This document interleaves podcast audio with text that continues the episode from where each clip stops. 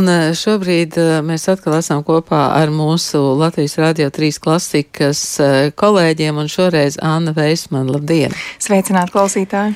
Es gribu uzreiz jau pateikt, ka mēs šeit kultūras rondo varam iedot tikai tādu nelielu ieskatu nominācijās, bet klasikā ir raidījumi benefice, un visi šie raidījumi ir klausāmi gan arhīvā, gan jums pieejamās citās vietnēs.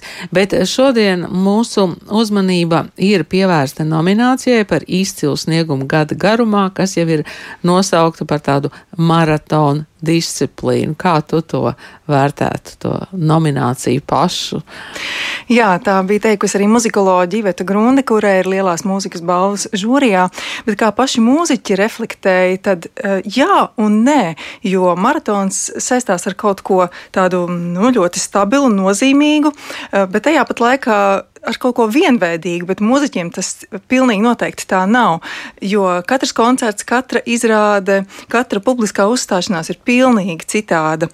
Un, eh, jā, mēs šodien tiksimies ar trim brīnišķīgiem mūziķiem, kuri katrs pārstāv pilnīgi citu mūzikas žanru. Tas būs džēza saksofonists un arī komponists Kārlis Auziņš, dziedātāja, Latvijas Nacionālās operas soliste Jūrija, Jūlija Vasiljeva un citam instrumentālists Guntars Freibergs. Un par katru tad arī parunāsim atsevišķi. Sāksim ar Kārli Auziņu, kurš varbūt Latvijā tik daudz nav zināms. Nu jau varbūt ir pēdējā gada laikā, un arī es domāju, ka tagad noteikti būs vairāk vairāk, jo viņš ir studējis lielākoties Kopenhāgenā un Amsterdamā. Džēza mūziku un pats arī komponē gan sev, gan citiem. Un eh, viņa nozīmīgākie koncerti iepriekšējā gadā bija festivālā Arēna, koncerts Klusā daba kopā ar pianistu Rihārdu Plešānovu, arī Sirds katedrāle ar zināmo trio Auziņš Čudārs Arot un protams, koncerts Latvijas radio pirmajā studijā, kur viņi muzicēja kvartetā. Kārlis Auziņš, Tomā Ūstitolo, Toms Poišs un eh, Ivars Arot Jans. Līdz ar to mums arī brīnišķīgi ieraksts šai mūzikai. Eh, bet pats Kārlis sarunā pastāstīja par to, kā viņš mūziku ir atklājis savulaik Madonā un arī par to, ko viņam vispār nozīmē mūzika. Paklausāmies! Es jūtu, protams, kaut kādu to latviešu, kā to nosaukt. Tās muzikālās īpatnības kaut kādas ir mums, nu, kāds melodiskums, ko mēs vienmēr pieprasām Es varu iet, protams, pilnīgā abstrakcijā, bet uh, man vienmēr prasās arī pa laikam kaut kādu melodisko lietu, kas man liekas ir raksturīga tieši mūsu platumgrādiem ar koru mūziku un mūsu tradīcijām. Jo es arī pats esmu dziedājis korī līdz vidusskolas beigām.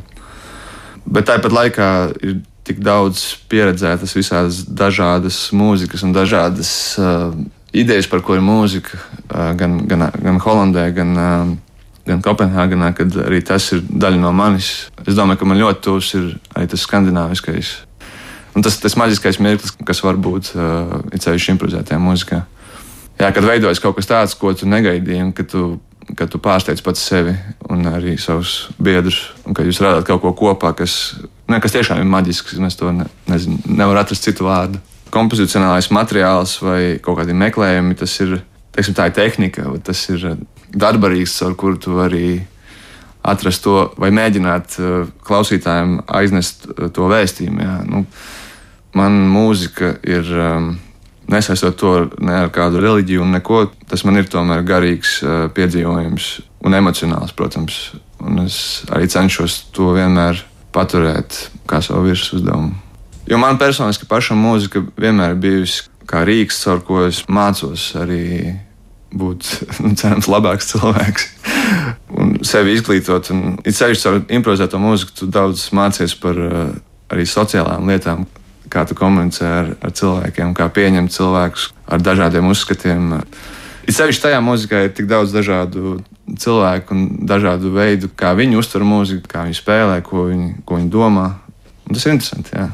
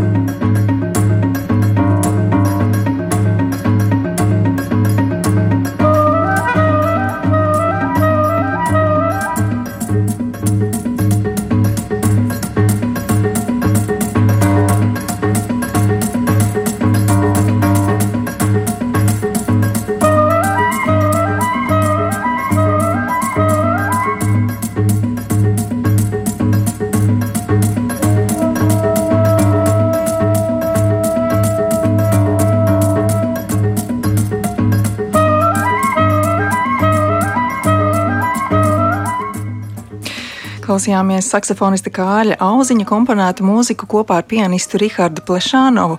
Un, kas ir interesanti, tad eh, klajā nāks albums pavisam drīz pavasarī Klusā daba, kur arī šī mūzika skanēs, kas ir pavisam neparasti noskaņotas klavieres, kā jau jūs dzirdējāt, un arī saksofonu spēles tehnikas bija ļoti īpašas. Bet, nu, dodamies tālāk, un um, nominācijā Izcils sniegums gada garumā mums ir soliste, Latvijas Nacionālās operas soliste Jūlija Vasiljeva. Un tieši viņai šis ir zīmīgs gads, jo viņa tieši desmit gadus ir Latvijas Nacionālajā operā. Un tie, kuri seko izrādēm, noteikti atcerās um, titulumu Džuzepes Verdī operas Luīze Millere koncertu uzvedumā, arī iestudējumos Wolfganga Amadei Mocerta operā Dons Žuāns, arī Franča Lehāra operetē jautrā atrada atraitne. Un, nu, vēl, protams, arī Imants Kalniņa operā spēlēja dancoju atkārtotajā uzvedumā. Īpašs gads eh, Julijai Vasiljevai bija arī tādai, ka viņa piedalījās starptautiskajā vokālistu konkursā Kapučili Patanere Spigi, un par to viņa arī pastāstīja mums klasikas beneficē. Vairāk vispār Jūlija ļoti sirsnīgi pati stāstīja par savām mūziķas gaitām, cik viņai tāla kādreiz ir likusies Latvijas Nacionālā opera, skatoties no mūzikas akadēmijas, un viņas profesors, ap citu, ir Līlija Greidāni, kura šogad arī nominēta par mūža ieguldījumu. Tā kā šeit ir ļoti daudz kopsakarību. Un Jūlija pati brīnišķīgi stāsta par to, kāds ir šis viņas ceļš mūzikā. Tas tiešām bija pārbaudījums. Man pa laimi bija dots papildus gads tam, jo uh, koncertu uzvedums bija iecerēts tieši pirmā uh, Covid viļņa laikā, un uh, bija lockdown, un uh, viss koncertu uzvedums bija pārlicies uz gadu. Es jau biju gatava dziedāt viņu gadu pirms. un tas gads deva iespēju sagatavot to lomu ne tikai muzikāli, vienkārši nodziedāt koncertu uzvedumā, bet arī padomāt par tēlu, par psiholoģiju, par, par attīstību un ielikt to visu tur iekšā. Un es domāju, tieši tāpēc no manas puses tas bija veiksmīgi, tāpēc, ka man bija tas laiks. Tomēr nopietnā mūzika prasa laiku. Ne tikai paņemt ideju un viņu pielikt klāt, bet arī izstrādāt. Es noteikti varētu dziedāt lomu uz skatuves, jo es iemācījos viņu no galvas, un man tas pults stāvēja vienkārši tā, nu, katram gadījumam. Šī loma ir no citas sfēras. Tas ir jau viens tāds solis uz citu repertuāru, kuras arī eju patreiz. Mm, no tāda liriska soprāna uz nopietnāku, uz tādu dramatiskāko pusi. Tīri tā personīgi šis solis bija apliecinājums tam, ka es varu to darīt. Un nākamās lomas būs Adriana Lekurēra un arī nu, tādi lielākie verdīgi tiešām gads bija ļoti ražīgs. Es nevaru teikt, ka es esmu kaut kad nogurusi kaut kādā brīdī vai tā, jo radās jauni spēki, jauna iedvesma, un um, tas ceļš nebija grūts. Es neesmu no tiem cilvēkiem, kurš māk uzreiz lekt augstu. Es esmu no tiem, kas iet maziem solīšiem, un man ir svarīgi iziet tieši visu to ceļu. Un tad, kad tu esi augšā, uzkāpis uz kaut kādu vienu stāvu, atskatīties atpakaļ un tad novērtēt, cik uh, ir paiets. Manā skatījumā tas ir tas viskaistākais.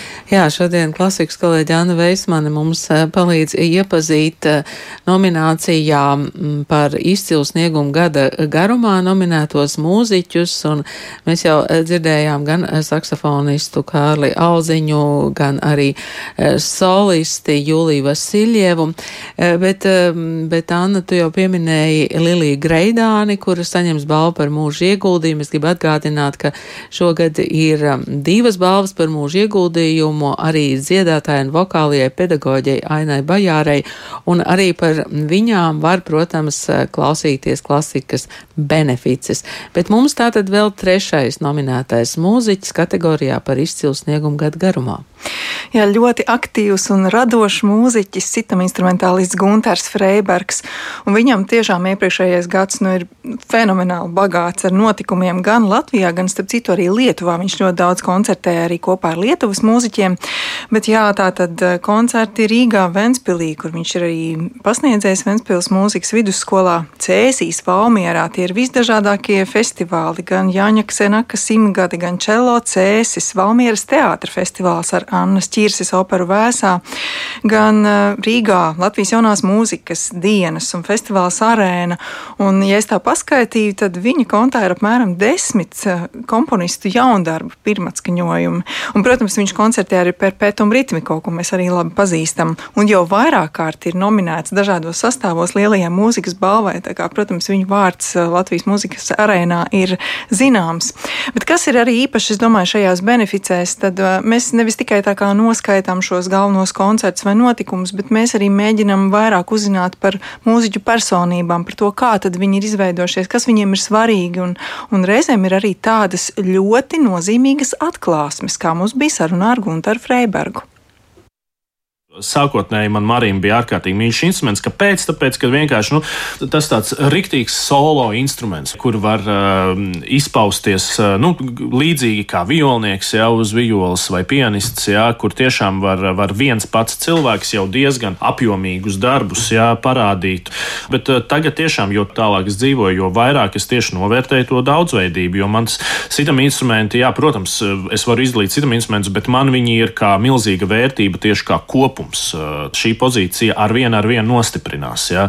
Katrs ir ar savu personību pats par sevi instruments, bet kopā tas ir kaut kas vispār unikāls un kaut kas neatdarināms kā parādījās tā mīlestība pret muziku, jāatzīst, ka nekas nav bijis vienkārši. Arī manas attiecības ar muziku nav savā ziņā bijušas vienkāršas, jo arī vēl diezgan tādā lielā vecumā, kad es jau mācījos Lincā, arī tur ir notikušas tādas diezgan nopietnas transformācijas manās attiecībās ar muziku. Jo vienā brīdī, es te daudz pieminēju to vārdu azarts, bet vienā brīdī es sapratu, ka ja godīgi, tas azarts pat diezgan ilgi bija tas galvenais dzinulis, kāpēc es vispār to darīju. Tieši azarts. Un tad vienā brīdī eh, bija tāda. Varētu pat nedaudz teikt, tāda neliela krīze manā, manās un muzikas attiecībās, ka es sapratu, ka azarts nav tas lielākais um, balsts, uz ko būvēt vispār savu attiecības ar muziku, un, un, un, vai vispār savas attiecības ar dzīvi, vienkārši uz, uz tāda azarta, tāda dzinuļa principa. Un, un tikai jau tādā diezgan lielā vecumā es patiesībā sāku pamazām saprast, ko tas vispār nozīmē iemīlēt muziku, ko tas vispār nozīmē mīlēt muziku.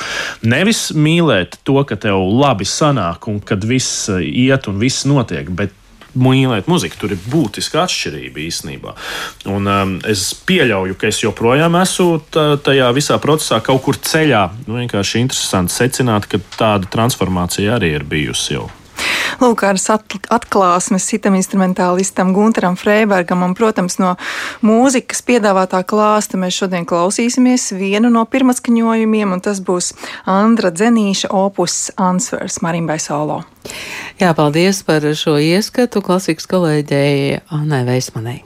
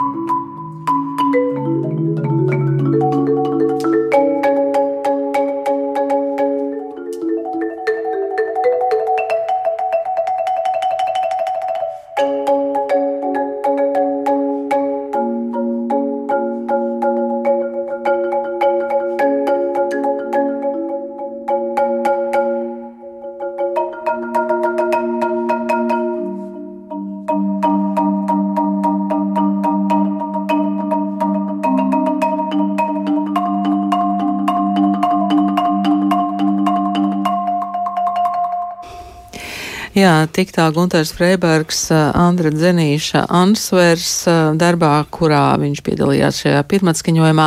Bet šobrīd šeit kultūras rondo studijā ir nomainījušās manas klasikas kolēģis, un Anna ir nomainījusi Ilga Augusta. Sveiki, Ilga! Labdien!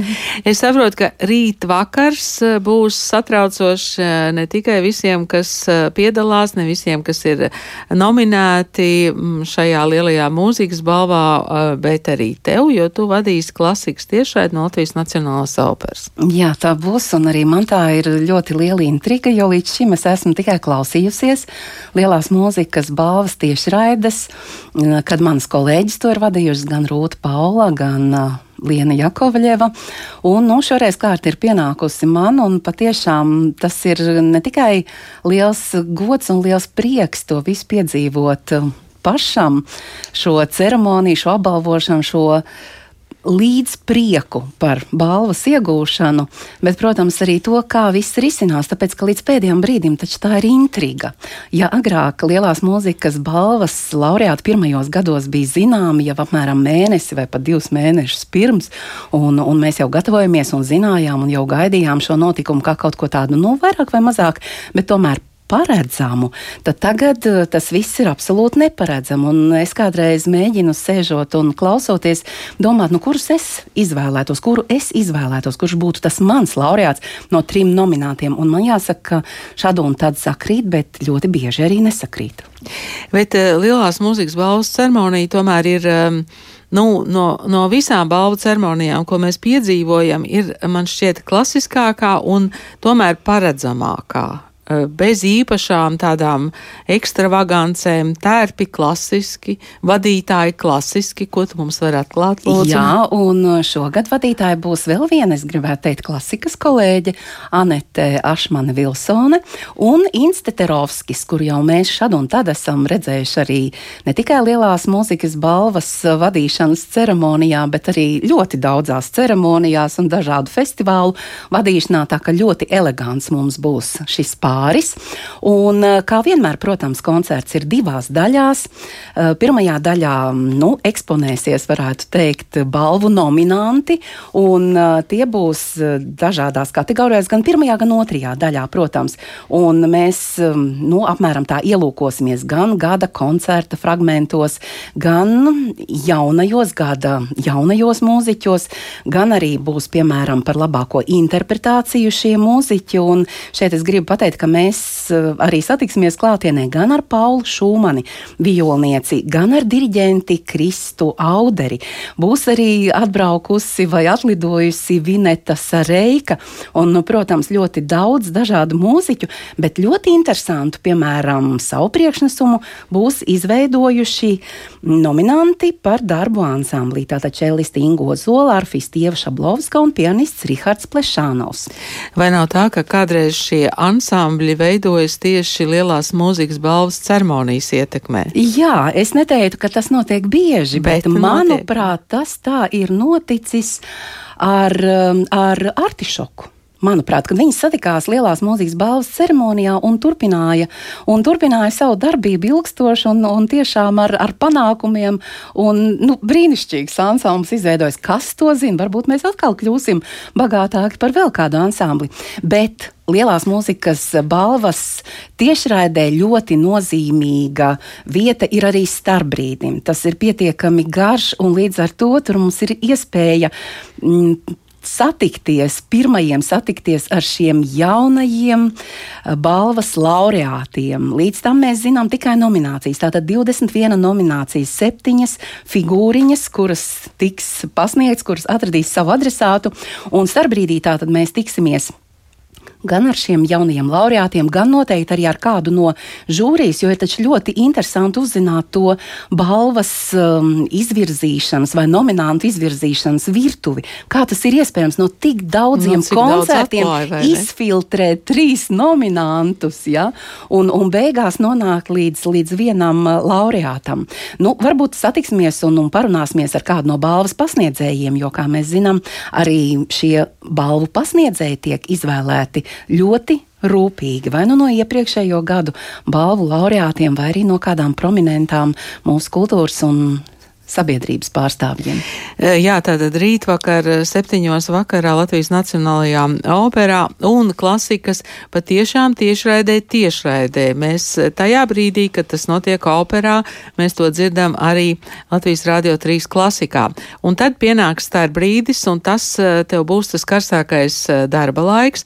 Paver mazliet to aizkariņu, kur tu būsi, kā tas notiks, kāds būs starpbrīdis. Nu, visticamāk, es sēdēšu kaut kur skatoties uz uh, Latvijas Nacionālās operas uh, skatuvi, būšu kaut kur labās puses ložiņā, ļoti šaura ložiņa, pa kur ļoti bieži staigā arī mūziķi, bet nu, tā ir tā mūsu aliņa, kur tad mani klasikas kolēģi, kas tajā vakarā arī būs, nu, varētu teikt, gan klausīsies, gan būs klāt, gan arī dežūrēs un, un meklēs šos gan balvu laureātus, gan arī varbūt šīs ceremonijas klausītājus un dalībniekus. Un tad mēs tādā rindas kārtībā ar viņiem satiksimies un parunāsimies. Bet man jāsaka no savas iepriekšējās pieredzes, ka es vienmēr daru tā, zinot, ka televīzijā pēc panorāmas sākas šīs lielās mūzikas balvas, nu tāda kā nedaudz atliktā atliktā tiešraide. tiešraide es vienmēr noklausos to sākumu klasikā, paklausos arī intervijas,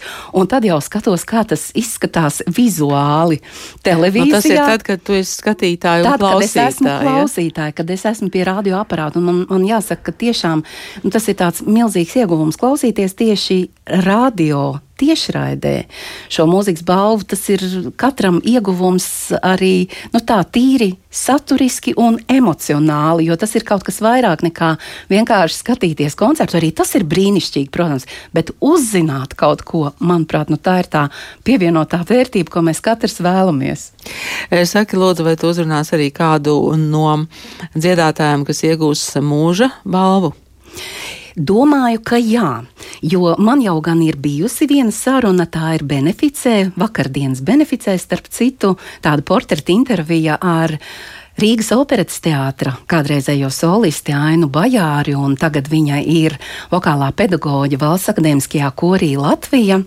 Un es domāju, ka viņa noteikti būs arī klāt, un es ļoti gribētu ar viņu satikties un parunāties vēl, jo viņas mūžs patiešām ir ļoti interesants. Un, un kad viņa stāstīja vakar intervijā, ka nu, nemaz viņai tik labi nav gājis tajā konservatorijā, un pat skolotāji gribējuši viņu pasniedzēju slēgt ārā, jo viņa nav mācējusi dziedāt, un tad pēkšņi ir, ir noticis tas klikšķis, kad Alfrēds Jaunšāns viņai teica, nu, pabeidz teātra fakultāti, mēs tev paņemsim drāmas teātrī. Bet viņa domājas, nu, nu, ko tad es taču neesmu tāda kā Velta Līne, neesmu arī tik talantīga kā Antra Lietskalniņa un, un netik skaista kā Vija Artman. Ko es tur darīšu? Man taču gribās dziedāt. Un tad viņa ir saņēmusies un patiešām pabeigusi arī šo vokālo nodaļu un tikus par tiešām vadošo solistu Rīgas operetē.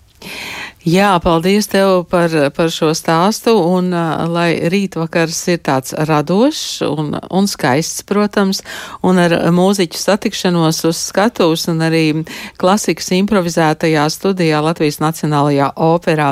Paldies Ilgai Augustei, kur rītvakar vadīs tiešraidi no Lielās mūzikas balvas pasniegšanas ceremonijas pulksten septiņos vakarā, bet mēs savukārt trešdien no rīta kultūras rondo studijā jau runāsim pēc ceremonijas, un studijā būs Lauma Melēna Bartkeviča, Iveta Grunde un Armāns eh, Znotiņš. Tātad, nu, kā parasti ir rīts pēc ceremonijas, tad, nu, varēsim gan uzklausīt klausītājs, gan, gan iesaistītos, eh, gan arī um, tos, kas klausījās un skatījās no malas.